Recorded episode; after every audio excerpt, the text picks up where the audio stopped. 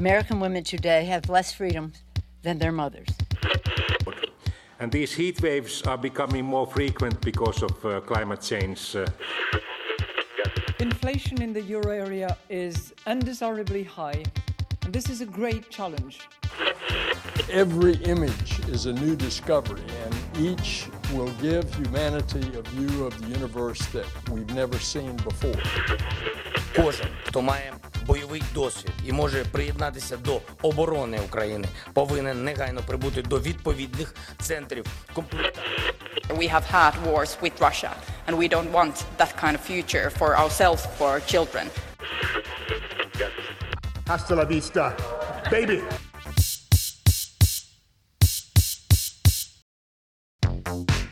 Þú ert að hlusta á heimskviður. Þáttinum það sem gerist ekki á Íslandi. Ég heiti Birta Björstóttir. Ég heiti Bjarni Pétur Jónsson.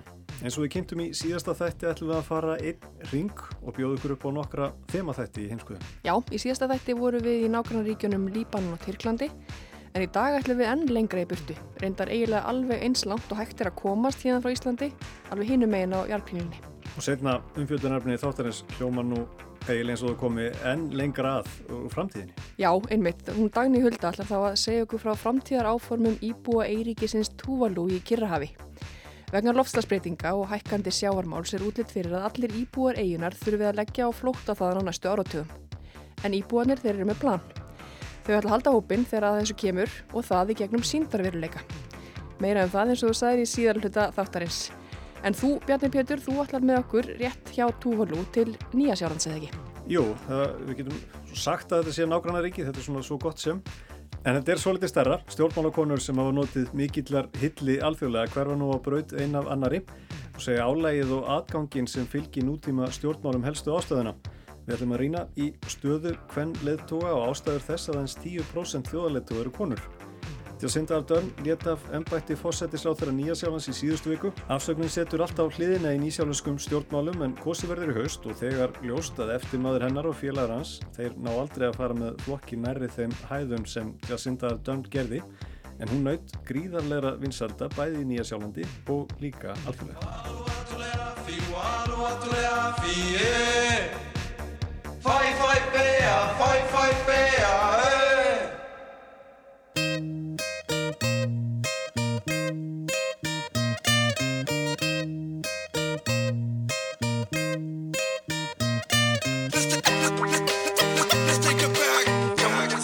Nýja sjálfland kemst einna næst því að vera hinum einn á nettinum, nokkur neginn eins langt frá Íslandi og hugsa sketur. Eiríki í Kirrahafinu, rétt hjá Ástralíu sem eitthvað þekktast fyrir heillandi náttúru, einstaka frumbyggja menningu og rúpi og krikett. Já, haka dans innfætra.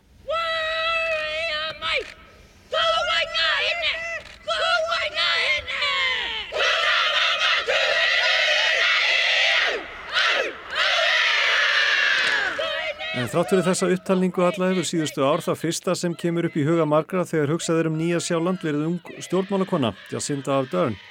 Hún vakti heimsatikli fyrir að takast á við erfiðar áskoranir með auðmíkt og samkend og var tákmynd bæði frjálslindis og fjölbreytni sem áttu undir höggað sækja í heimsmálunum. Ardern fættist í smábænum Múrupara sem er á norður eigi Nýja Sjálands. Hann stendur á flekaskílum, jarðfræðilega, en það mætti kannski segja félagslega líka, því þar er fátakt einna mest í landinu og afleðingar hennar mjög sínilegar. Í bænum voru flestir íbúana márijar, frumbyggjar sem eru nú hátt í 18% þjóðurinnar, sem telur um fjóra og halva miljón. Ardön segir sambílið við frumbyggja hafa mótað pólitískan fyrirlennar, en þar kynntist hún fátakt, mikilli stjættaskiptingu og afleðingunum sem hún getur haft. Jacinda Ardern var fyrst kjörin á Þing 2008, var þá yngsti sitjandi þingmaðurinn en hún er fætt 1980. Árið 2017 var hún kjörin fósettis ráð þeirra en bætti sem hún sagðist sjálf aldrei ætlað að gegna og markmið hennar í stjórnmálum var ekki að komast til aðstu metorða, heldur að breyta samfélaginu til eins betra. Engu að síður völdu félagar hennar í verkamannaflokknum hana til að leiða flokkin en hún var færtugasti fósettis ráð þeirra Nýja Sjálands. Og það var ákverðun sem félagarinnar sá ekki eftir. Fylgi flokksins raug upp, fór frá því að vera um 15% yfir að geta myndað hreinan meiri hluta á nýsjálfinska þinginu á aðeins örfáum árum. Það gerði Ardörn en hennar fyrsta stjórn var minnilhutastjórn með New Zealand First og græningum. Stuttu síðar komst hún að því að hún átti vona á barni en hún egnaðist sitt fyrsta barn árið 2018 og varð fyrsta konan í tæp 30 ár til að egnast barn á valdastóli. Hún naut mikill að vinsalda alþjóðlega á þessum árum og tala var um Jacinta Mania, Ardörn Æði. Og bæði nýsjálendingar og fleiri fögnuðu þessum nýja leðtóa sem syndi ennbættis verkunum af auðmygt og sló í gegn alþjóðlega. Og eins og sunnan vindur sem blésum andlit þeirra sem ekki leist á aðferðir og áherslur bandarækja fósetta þárandi Donald Trumps og Ardörn og Nýja Sjáland áttu áfram eftir að verða ábyrrandi í heimsmálunum. In just hours from now, New Zealand will go into lockdown. New Zealand will remain closed to international tourists until October. New Zealand's borders have been largely closed for two years because of the pandemic, even to citizens. But Prime Minister Jacinda Ardern says it's time to move forward. Cabinet met this afternoon to assess the rapidly evolving situation relating to COVID 19 and made further decisions to protect New Zealanders from the virus. Verkamannaflokkurinn naut fádæma vinsælda á fyrstu COVID-mánuðunum en fáum gekk betur en nýsjálendingum að halda veirunni skeiðu fjari. Ardörn og verkamannaflokkurinn fengu miklar þakkir fyrir að taka faraldurinn tröstum tökum. Flokkurinn var mennari 50% af fylgi í kostingunum 2020 en mæltist mest með næri 57% í konunum. Þetta dögði Ardörn og félögum til að fá hreinan meiri hluta, alls 65 þingsæti af 120 í fulltrúadelt nýsjálenska þingsins. Leiðin lág svo hratt niður á við á kjörtímabilinu og fylgið mæltist 25,5% síðasta haust. Ardörn hafði tapað rúmlega helmingi fylgisins frá því þegar mest var um einu og hálfu ári áður.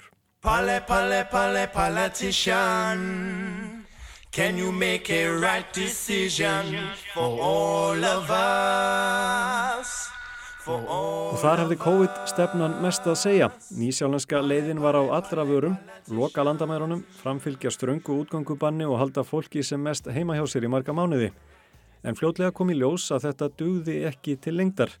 Þegar fleiri afbreyði veirunar byrtust sem voru meira smitandi var lausnin eins og annar staðar bólusetningar. Ardern hjælt hvað lengst allra þjóðar leðtúa í þó stefnu að bólusettir eruðu frjálsari en þeir sem ekki færu í bólusetningu. Þeir mættu vinna, fara á veitingastadi og í klippingu en ekki óbólusettir. Til var stjættaskipting þeirra sem máttu og máttu ekki og þetta er talin stærsta ástæðin fyrir því að síða fóru ógjafi hliðina. Ardern var skotmark, engum þeirra sem sögðu bólusetningar vottorð brota á mannetindum. Samsæriskenningar og upplýsinga óreiða voru eins og olíja og eldin og Ardörn fóru að berast ljúlátshótanir. Þeim hafi fjölgað eftir viðbröð hennar við hriðjuverkunum í Christchurch 2019 en þá létt 51 lífið í skotárosum í tveimur moskum í borginni. Ríkistjórn Ardörn herti bissulögjöf í landun eftir árosinnar sem nær allir flokkar stuttu en hótanir sem voru teknar alvarlega fóru að berast. Þær voru átján 2019 32 árið eftir og 50 í fyrra.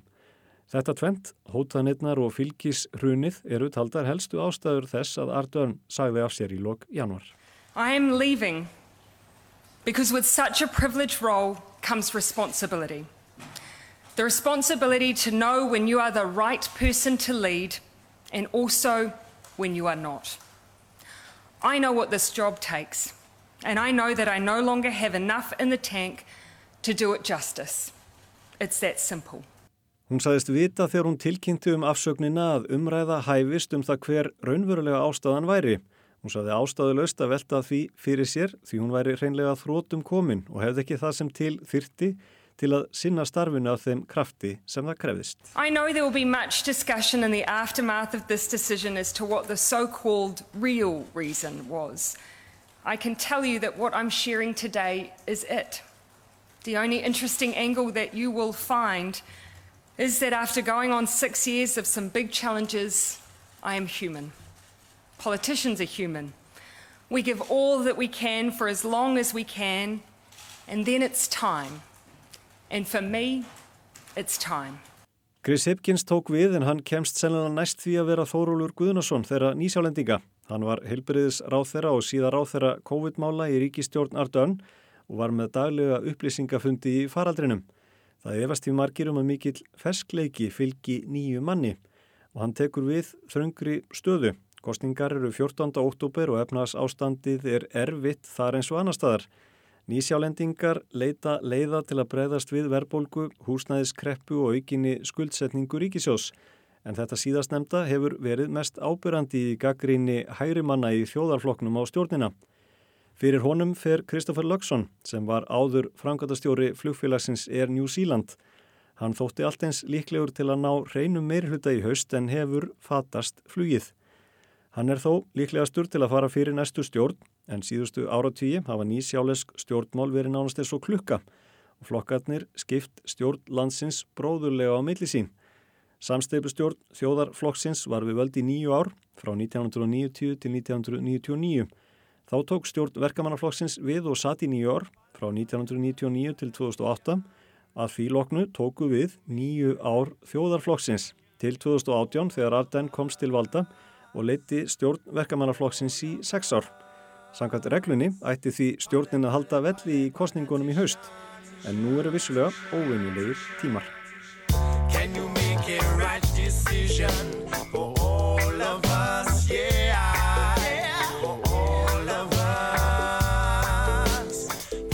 Nýjastu könnuninni eru flokkarnir nýfjafnir, báðir með rúmlega þriðjúns fylgi og 46 þingsæti.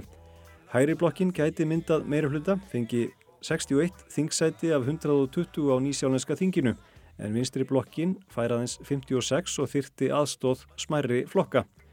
Höggið verður því mikið fyrir verkamannaflokkin og líklegt að þrýst hafi verið á Ardörn að halda áfram. Hún let formlega ennbætti Sjöunda þessa mánadar og fleiri kynsistur hennar ætla að gera slíkt þið sama. Nikola Sturgeon, fyrsti ráþæra skosku heimastjórnarnar, greindi frá því í vikunni að hún ætla að segja af sér og sagði eins og Ardön að starfið hefði tekið sinn toll og hún hafi ekki lengur það sem þurfi til að sinna því. Since my very first moments in the job, I have believed that part of serving well would be to know almost instinctively when the time is right to make way for someone else. And when that time came, to have the courage to do so, even if to many across the country and in my party it might feel too soon. In my head and in my heart, I know that time is now. Sturgeon er svo sem lengst hefur gengt þessu og fyrsta konan til að gera það. Hún hefur farið fyrir skoska þjóðarflokknum í tæpan áratug og barist ötulega á þeim tíma fyrir sjálfstæði Skotlands. Hún ætlaði að setja það á ottin fyrir næstu kostningar en nú er nokkur óvisa um framhaldið. Sturgeon sagði þegar hún tilkynnti um afsöknina ómögulegt að lifa venjulegu lífi í nútíma stjórnmálum með stöðugum ágangi fjölmiðla og síaukinni áherslu á mannin frekar en málefnin. Þetta nefna margir kvenleituar en konur eru nú um 10% þjóðaleitua og það munar því um minna þegar margar þeirra sem hafa verið mest ábyrrandi hverfa á braut. Það sem mér finnst vera mikilvægast í þessu er að stjórnmálinn þurfa að breytast en ekki konur. Þetta er Hanna Byrna Kristjánsdóttir, stjórnarformaður heimsþings kvenleitua. Það er nefnilega þannig að konur eru ekkert minna hæfar en karlar til að takast á við þessi störf. Konur eru ekkert, hafa ekkert minna úthald en karlar. En umhverfið sem þær mæta og það sína allar ansóknir. Það er ekki bara tilfinningar hvenna sem hafa starfað í þessum störfum. Allar ansóknir sína og við til dæmis á heimstingi hvenleðtua kynnum alltaf The Reykjavík Index sem að mælir viðhorf almennings í heiminum til leðtúa og viðhorfin eru bara allt önnur til hvenna heldur en til karla. Þegar við hugsum um leðtúa þá sjáum við fyrir okkur dimrataðan miðaldra kvítan karl og það er hinn hefðbundna, vennjubundna mynd af leðtóa í hugum okkar flestra en þegar að kona kemur hann á það svið þá er það bara þannig að fólk treystir henni síður, fólk gefur henni minni tækifæri, hefur minna umburðalindi og þetta mælist í öllum rannsóknum og auðvitað upplifa þessar konur það og finna fyrir því. Þessar konu kannski tvær svona sérstaklega voru að leggja áherslu á kannski svolítið öðruvísi stjórnmál, auðmíkt og, og, og samkend. Eru öðruvísi stjórnmál á undanhandi? Það er mjög aðtilsvert að þú segir það vegna þess að rannsóknir sína líka að til dæmis yngri konur uh, og mjög framsaknar konur mæta harðari þarna andstöðu heldur um konur sem eru hefðbundnari. Þannig að báðar þessar konur til dæmis er ekki alveg hefðbundir leðtógar, heldur hafa svona beitt sér með öðrum hægt og við sjáum það líka þegar það er fara, hvernig það er tala um það og hvernig það er nálgast það. Þær eru óhefðbundir leðtógar og slíkar konur mæta meiri andstöðu. og við finnum að þrátt fyrir það séu þetta að segja, herðu nú er komin tíma á mig og ég vil fara, þá lýsa þær líka að þetta getur verið einfalt eða auðvelt og það má líka lesa úr því út af hverju þær eru að fara og þær segja báðar, ég er alveg bara búin að fá nóg. Það er Sturgeon og Ardern eiga þetta sameinlegt en það er hætta líka báðar vegna ágjafar í stjórnmálunum, ekki ítrekkaðra skandala eins og margir karlana. Og líklega er Boris Jónsson fyrirverandi fósættisráð þeirra breyta nærtekasta dæmið en honum var bólað burt af eigin flokksmönnum síðasta haust eftir að hafa þráast við lengi. Ardern þakkaði nýsjálendingum stuðningin þegar hún kvatti og saðist vonast til að öðruvísi stjórnmál væru ekki svo fjari. I leave behind a belief that you can be kind but strong, empathetic but decisive, optimistic but focused, that you can be your own kind of leader, one that knows when it's time to go. Við sem almenningur erum fljótari að krefjast þess að það er axli ábyrð. Svo eru aðra rannsóknir sem segja að það sé eitthvað í konum eh, sem að valdi því að þeim finnist frekar að þær eigi að axla ábyrð og eigi að fara, þú sér þær báðar útskýraða þannig, þetta er ekki bara betra fyrir mig, þetta er betra fyrir flokkin minn og þetta er betra fyrir landi mitt.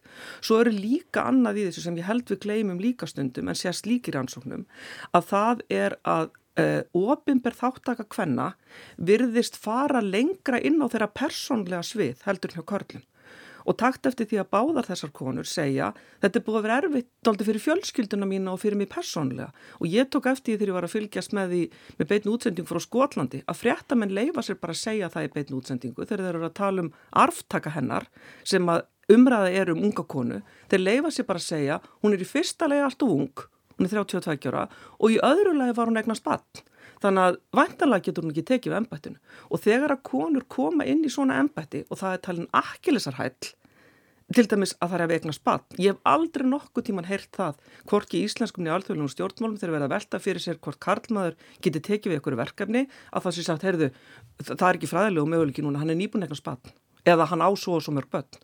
Þannig að það eru þessir þættir sem aftur og aftur valda því að það er erfitt fyrir konur að komast í þessi störf, það þurfa að taka fleiri slægi, það þurfa að fórna meiru og svo er umburðarlindi gagvart í hvernig þær gera það og hverjar þar eru minna heldur en gagvart kvarlum. Og það eru fleiri en Ardörn og Sturgeon sem gætu horfið og braut á næstunni. Sanna Marín, fórsetis á þeirra Finnlands, hefur eins og hinnar tvær notið mikillar hilli í alþjóðlega en það má segja að allar hafið þær verið vonar stjórnur vinstrimanna í alþjóðastjórnmálum.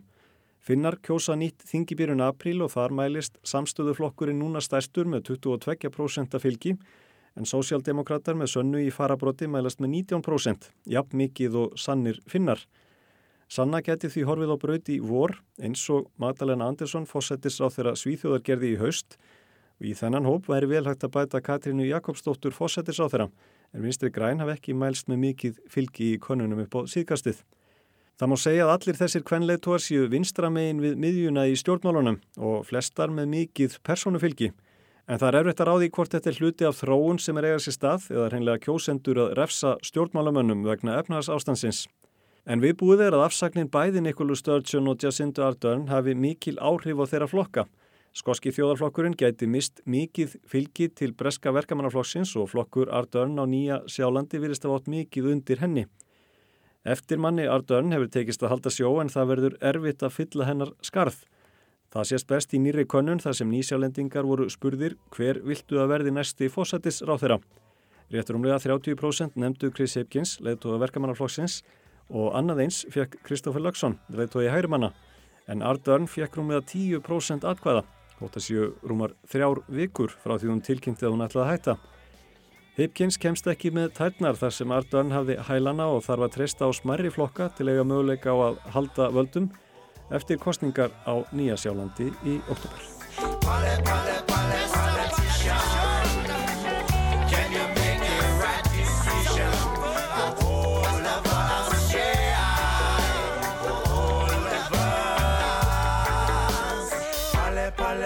politician Can you make a right decision?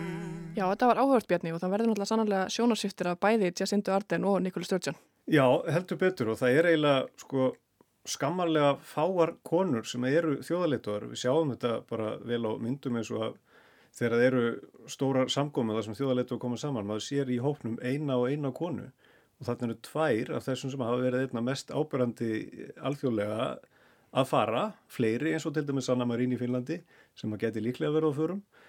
Þannig að þetta setur mikinn svip á samfélagið, það gerir það. Þannig að þess að bekja myndir verða enn einsleitari mögulega frá með fer sem horfir. Já, það heldur betur. En nú ætlum við að snú okkur á allt öðru þó við höldum okkur á svipu landsvæði. Eiríkið Tuvalu í Kirrahafi er eitt friðsalasta land í heimi. Þrátt fyrir það eru mikla líkur á að á næstu áratugum verði hver og einn einasti íbúi eigana að leggja á flótta. Gangi vestu spár um hækkandi sjávarmál eftir, flæðir yfir eigarnar og þær verða óbyggilegar. Túvalúar eru samhældnir og þó að þeir reyði líklega eftir að setja stað víða um heim, ætlaður að reyna að halda hópin. Það ætlaður að gera í síndarveruleika því hugmyndin er að endurskapa Eiríki þar og að hver og einn Túvalúi verði persóna í síndarveruleikanum. Dagni Hulda Erlendsdóttir tekur nú við.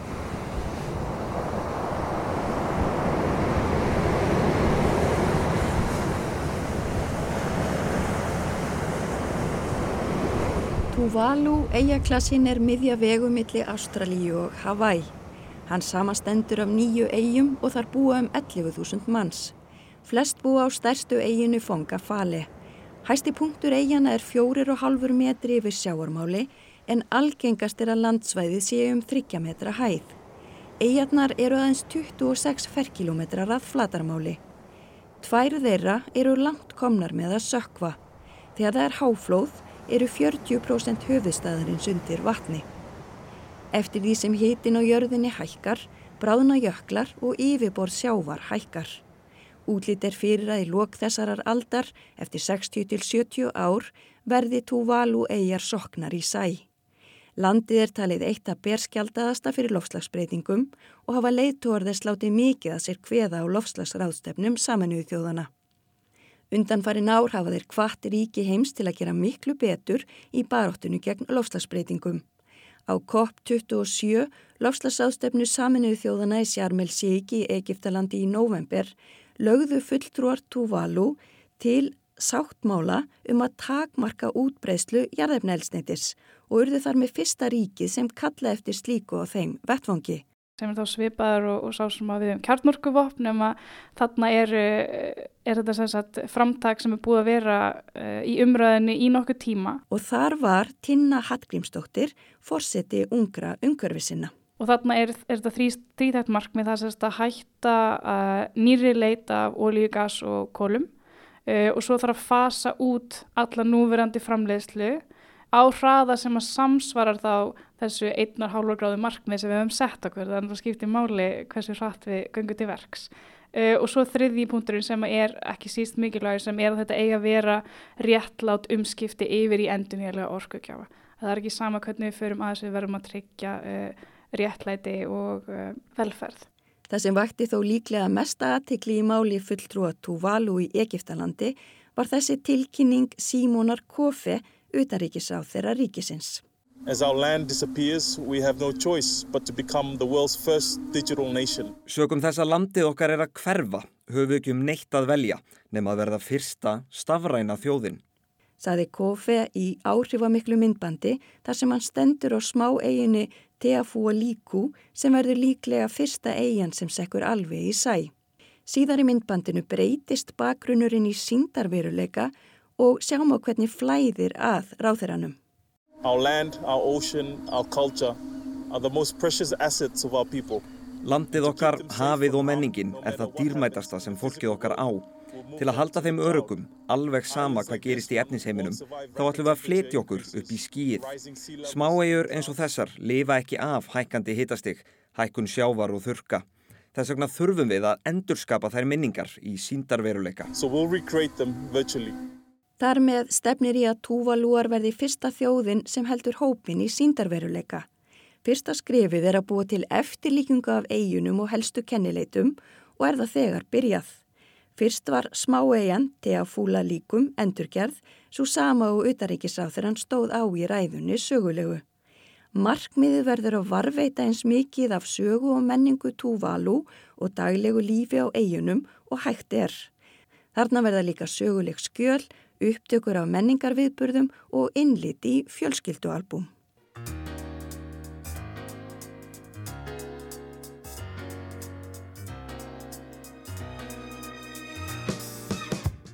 Í framtíðin á að endurskapa sem mest af landsvæðinu til að varveita náttúrufegurðina.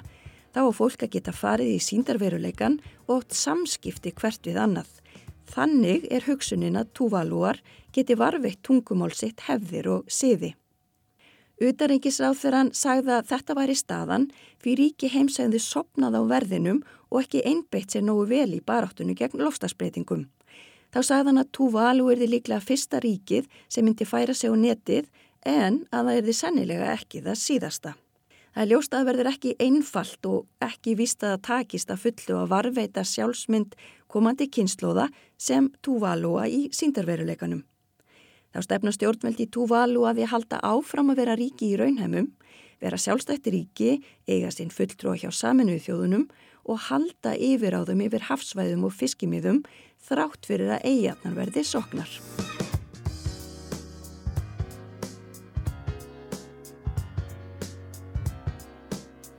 «196 ríki samþygt árið 2015 Parísasáttmálan um að takmarka hlínunjarðar við 1,5 gráðu. Það er þó ekki útlitt fyrir að það takmark náist. Egi að halda hlínun undir 1,5 gráðu þarf losun að hafa dreyist saman um 45% árið 2030. Svo er ekki raunin, heldur stefnir í 11% aukningu. Stjórnvöld á Tuvalu gera sig grein fyrir því að síndarveruleikin er ekki lausna á lofslagsvandanum. Hann er frekar tilraun til að vera áfram til sem þjóð. Vísindamenn hafa vara við því að afleðingar loftasbreytinga verði áþreifanlegar víða um heim, ekki bara á Tuvalu. Gróðureldar verði tíðari, þurkar, jöklarbráðni og á Kirrahafi og víðar nái sjórin bókstaflega að gleipa lálendi. Ræða utan ekki sá þeirra Tuvalu og Koppi fyrra var ekki svo fyrsta frá honum sem ekkur aðtikli á heimsvísu. Það gerði líka ræðan hans á COP26 sem var haldinn í Glasgow í Skotlandi í november 2021. Þá senda hann myndband með ræðu og það aðteglisverða var að hann stóð klættur jakkafötum við ræðupúlt og sjóri náðunum í nýja. Fyrst var myndavili mjög nálagt honum og þar má sjá bláan bakgrunn og fána Tuvalu og saminuð þjóðana en eftir sem líður á ræðuna fjarlægist myndavilin og það sést að utanrikiðsáþurann stendur í sjónum. In Tuvalu we are living the realities of climate change, sea level rise as you stand watching me today at COP26. Á Tuvalu finnum við á eigin skinni afleiðingar lofslagsbreytinga og hækkandi sjávarmáls þar sem þið horfið á mig í dag á COP26. Við getum ekki beðið eftir ræðum þegar sjórin hækkar linnu laust. Við verðum að grípa til aðgerða í dag til að tryggja að morgundagurinn rýsi. Climate mobility must come to the forefront. We must take bold alternative action today to secure tomorrow. Faftailasi, Tuvalu Modetua saði Kofi í ræðun á COP26 sem hann hjælt á stað sem áður var land. Tinna segir að tótnin í máli fulltrúa eiríkjana í Kirrahafi verði alltaf þingri og þingri með hverju árinu. Það hefur mjög mikil áhrif þegar maður er á staðnum og, og, og sér uh, það tilfyllingar sem eru í spilinu og hvað, hvað fólk virkilega getur ekki séð fyrir sér að snúa aftur til síns heimalands uh, með þar fréttir að okkur hafi mistakist að uh, spórna við um, lofstafsbreytingu með nælari festu. Og svo orðraða sem maður heyrir oft er að þetta er ekki, þetta snýst ekki um tölur og prósentur og markmið fyrir þau, þetta snýst um líf og dauða. Og það er sorglegt um, ákveðinu leita að við þurfum að sjá einhvern standa í ræðupúlti með vatn upp að mitti uh, eða fá yfirlýsingar yfir að fólk þurfa að flytja sig yfir í, í metaversin til þess að við virkilega opnum augun fyrir því sem er að gerast. Nágrannaríki Fiji sem eru um 1200 km fjarlæg söður af Tuvalu hefur bóðið Tuvaluum að fá þar landsvæði og setja stað og fyrirverandi fórsættis á þeirra Tuvalu en ég að lesa póka hafnaði alfarið. Í viðtali í hlaðvarpsættinum Leave Your Island or Fight to Stay hjá The Guardian saðan að ástæðunar varu engum tvær. Annars vegar að standa fast á sínu og hins vegar að senda skýr skilabót til annara þjóðarleituða. Ég vildi koma þeim skilabóðum til heimsins að þau ríki sem hafa valdið lofslagsbreytingum, þau get ekki ætlast til þess að Tuvalu og Fiji leysi vandan fyrir þau. Vandin er afleðing af yðinvæðingu þeirra ríkja sem hafa valdið hlínun jarðar og lofslagsbreytingum. Sagði fórsættisráþarann fyrirvenandi. Þá þykir honum stjórnmöld á Fíji eiga við nægan vanda að etja. Brottfutningur eigi að vera algjört neyðar úrræði sem ekki verði gripið til nema ekkert annað verði í stöðunni. Byrjum fórsættisráþara Ástralíu Kevin Rudd viðræði þá hugmyndarauð 2019 að Tuvaluar gætu fengi ríkisborgararétti í Ástralíu gegn því að afsala sér haf og fiskirétti sínum. Sapoka, sem þá var fórsættis á þeirra Tuvalu, sagði að slíkt beri vottum heimsveldis hugsunarhátt. Hann gaggrindi stjórnveldi í Ástralíu fyrir mikinn kóláutflutning og sagði að það var í raunmurulegt vandamál sem leiðtógar Ástralíu ættu frekara einblín á. Þá var ráðamenn á Tuvalu bent á að það leysi ekki lofslagsvandan að flytja fólki burt af eigunum. Þvert á móti myndu flutningar auka vandan. Tuvaluar myndu flytja til innvætra ríkja, taka upp þarlenda lifnaðarhætti og auka neyslu sína mikill með tilherrandi afleðingum fyrir jörðina. Það er ekki aðeins hækkandi sjávarmál sem ógnar tilvöru Tuvalua. Þar eru óviður tíð og þau hafa djúbstæð áhrif á fæðuöryggi. Svo er talið að stormari eftir að vera tíðari á eiginum og næstu árum. Annar fylgifiskur er að það er erfitt að stunda landbúnað vegna þess hversu lélegur jarðvegurinn er og ferskvatnir af skortnum skamti. Og það er eina mörgum áskorunum íbúna í dag. Margi sapna rigningavatnin til að drekka en það rignir æg sjálfnar. Það hefur líka áhrif á græmitisræktun og landi þarf að reyða sig mjög hjálp frá saminuðu þjóðunum og nágrannaríkinum. Margir, sérstaklega ungt fólk, hefur því ákveð að flytja frá Tuvalu Flest stefna á Ástralí og Nýjasjáland. Hlaðvarpiði Guardian er rætt við unga konu sem heitir Ginette. Hún hefur þungar áhyggjur á framtíðinni að verði ekkert land eftir fyrir hana til að byggja sér framtíðarheimili. Hún hefur áhyggjur á mögulegum börnum og barnabörnum í framtíðinni. Sjálf ætlar hún hverja fara þó að vinurinnar hafi brúðið á það ráð. Hún segir stóran hluta af sjálfsmyndinni að hún sé Tuvalúi og að hún vilji búa á Tuvalu. Ástæðan fyrir hún ákvaðalæra lögfræði er að hún vil geta varið rétt heimaland sinns á alltjóðu vettvangi. Þá hefur Sapoka fyrir um fórsættis á þeirra séð á eftir mörgum vínum til útlanda. We are worried that our kids in the future will not have a happy life because of climate change. Við óttumst að lofslagsbreytingar ræni börnin okkar möguleikanum á hamingisömu lífi. Sjálfur ætlas að póka aldrei að flytja. Hann á möguleg eftir að kiki heimsokk til ástvinna í útlöndum en ekki meir en það. Hann líkir lífinu við ferð á kanó. Við erum öll á honum. Ef hann sekkur, þá sökkum við öll. Hlutverk heimsbyðarinnar sé að halda kanóinum á floti. Fátækt yfir aukist síðasta áratug á Tuvalu og reyðir um helmingur heimila sig og greiðslur frá ástvinum sem vinna í útlöndum. Þá er atvinnuleysi töluvert sem hefur orðið til þess að unga fólki vil flytja. Það er helst fólk með mentun sem kýsa flytja og það vantar helbriðstarsmenn og kennara. Svo týðkast líka að fólk var í tímabundi til útlanda að vinna og komi svo tilbaka. Hjá þeim ríkjum sem hafa orðið illa úti vegna lofsarsbreytinga þá fer gjarna mikill kostnaður í að fyrirbyggja tjón og eins að laga það sem skemst hefur.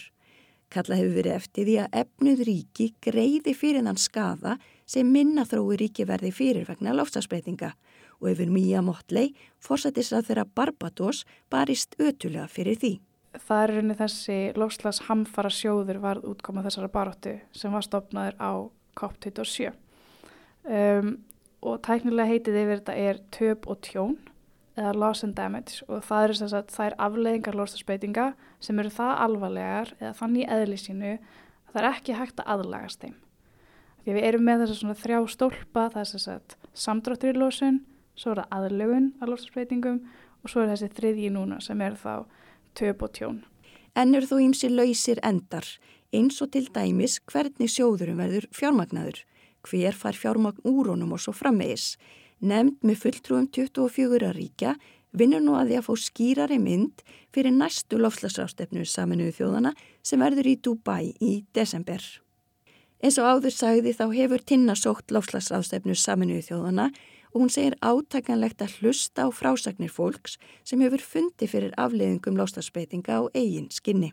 Ég gerðist loslasaktivisti út af marguslegum ástæðum en þarna hitti ég fólk sem gerðist loslasaktivistar vegna þess að þau eða fólk í kring við þau hafi mist lífsviðværi sitt, heimili, heilsu eða jafnvel ættingja og fjölskyldu vegna aflegginga loftsbreytinga og það er ofta ekki fyrir maður stendur á móti einhvern sem hefur upplifað slíka hluti sem maður átt að sé fyllilega á um, alvarleika vandans. Og til dæmis kynntist uh, ungum loftasaktivista sem heitir Samuel Okori og hann er frá Níkerju og hann bjóða svæði þar sem var mikið um flóð og það var ofta að flæða yfir uh, heimileira inn á heimilið uh, stundum flætti í meira en viku og það var náttúrulega mikið um, um vassborna sjúkdám út af þessu. Hann fór ofta á spítala hann og fjölskyldan.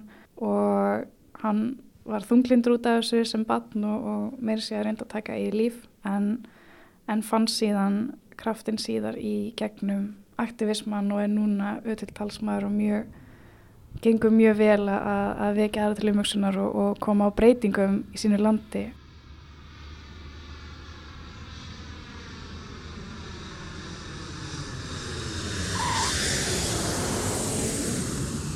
En nú heldum við aftur til Tuvalu. Það er flóið ánga tvís og sinnum í viku og því eru ekki margir ferðamenn sem komað ángað. En við í heimskviðum náðum tali af Íslandingi sem hefur komið á eigarnar. Ég heiti Katrín Sif Einarstóttir og ég er svolítið ferðafugl. Mér finnst gaman að ferðast og hef búin að ferðast til marga landa og Tuvalu er eina af þeim. Katrín Sif hefur samsagt komið til yfir 200 landa og þar með til nær allra landa í heimi. Ég fætist á Íslandi, ólst upp í Kanada og mamma mín er frá Suður Ameriku og þess vegna kannski ég bara fætist í þessu bakka að þurfa að ferðast. Katrín Sivt valdi árið 2015 á stærstu eigi Tuvalu sem er þó frekar lítil þar sem flestir búa og þar er það flugbröytin sem gegnir veigamiklu hlutverki. Þar stundar fólk íþróttir og fyrir göngutúra svo eitthvað sé nefnt brauturinn sjálfur er kannski eitt þriðja af þessu eigu og hún er akkurat í miðinni og þessi eiga hún er um það bíl nýju eða tíu kilómetrar lang og flugbrautin er fjóra og það koma flugvela tvirsvar í víku og það er engin gerðing í kringum það og áður en flugvelin lendir þá þarf einhver að keira brautin með svona blekkandi ljós að reka í burtus svínunum og hænunum og krökkunum.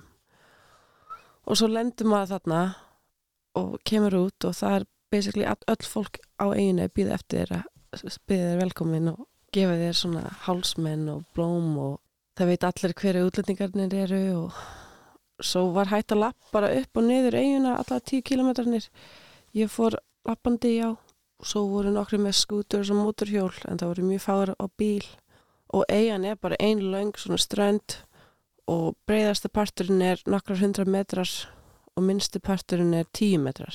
Á þeim hluta eigunar sem er aðeins tíu metra breyður hverfur aðalvegurinn stundum undir sjó að meðan Katrín sig var á Tuvalu kom mikil rikning og þá flöyti yfir veginn. Já, þetta var alveg vesen með veginn þarna. Hún var alltaf að hverfa og það þurfti alltaf að endurbyggja veginn og þeir byrjaði að steip, stípla steina fyrir. Þá rekur töluvert rusl á land á Tuvalu og af því að landsvæði svo lítið er erfitt að finna stað fyrir það. Sumstað að færa því bara að liggja á víðavangi. Katrín Sif segir það hafa verið svolítið taugatrekkjandi að hugsa með sér að mögulega væri hún einn af síðustu ferðamennunum sem koma til Tuvalu og það þyrtu fleira að koma. Svo það er mér líka að huga, svona, hugsa aftur af hverju þarf fólk að fara á það. Þetta er ekkert okkar land, við hefum engin tegl við þessu menning og það er bara fínt að leifa þeim að vera það eins land og hægt er og, og ég hef ekki verið mikið að reyka eftir fólk að faraðangað eða auglýsinga þessi eigir út af, mér finnst þeim bara frábæri í svona friði. Katrínu Sif virtist taktur mannlífsins rólegur á Tuvalu. Fólk veitti sér í matinn, fór heim, eldaði matinn og allt var frekar rólegt. Hún telur að Tuvaluar eigi eftir að flytja til nágrannaríkjana í framtíðinni þegar þrengir enn meira að, líkt og margir hafa reyndar þegar gert. En víst er sorglegt að missa landið en þetta er ekki mikið land.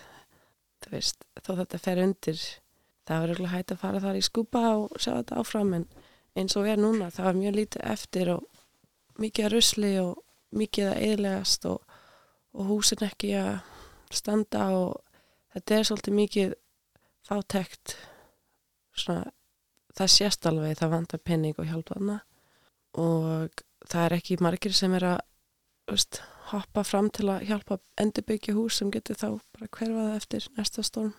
En víst er það sorglegt en þetta er bara einn partur af su, veist, sagan heldur áfram og ég held að ég mun alveg finna sig góðan eigu til að búa nálegt alltaf áfram með sína menning. Ég vona það. Og þá verður ekki fleira í heimskruðum þessa vikuna. Við verðum hér aftur á sama tíma í næstu viku. Takk fyrir að hlusta.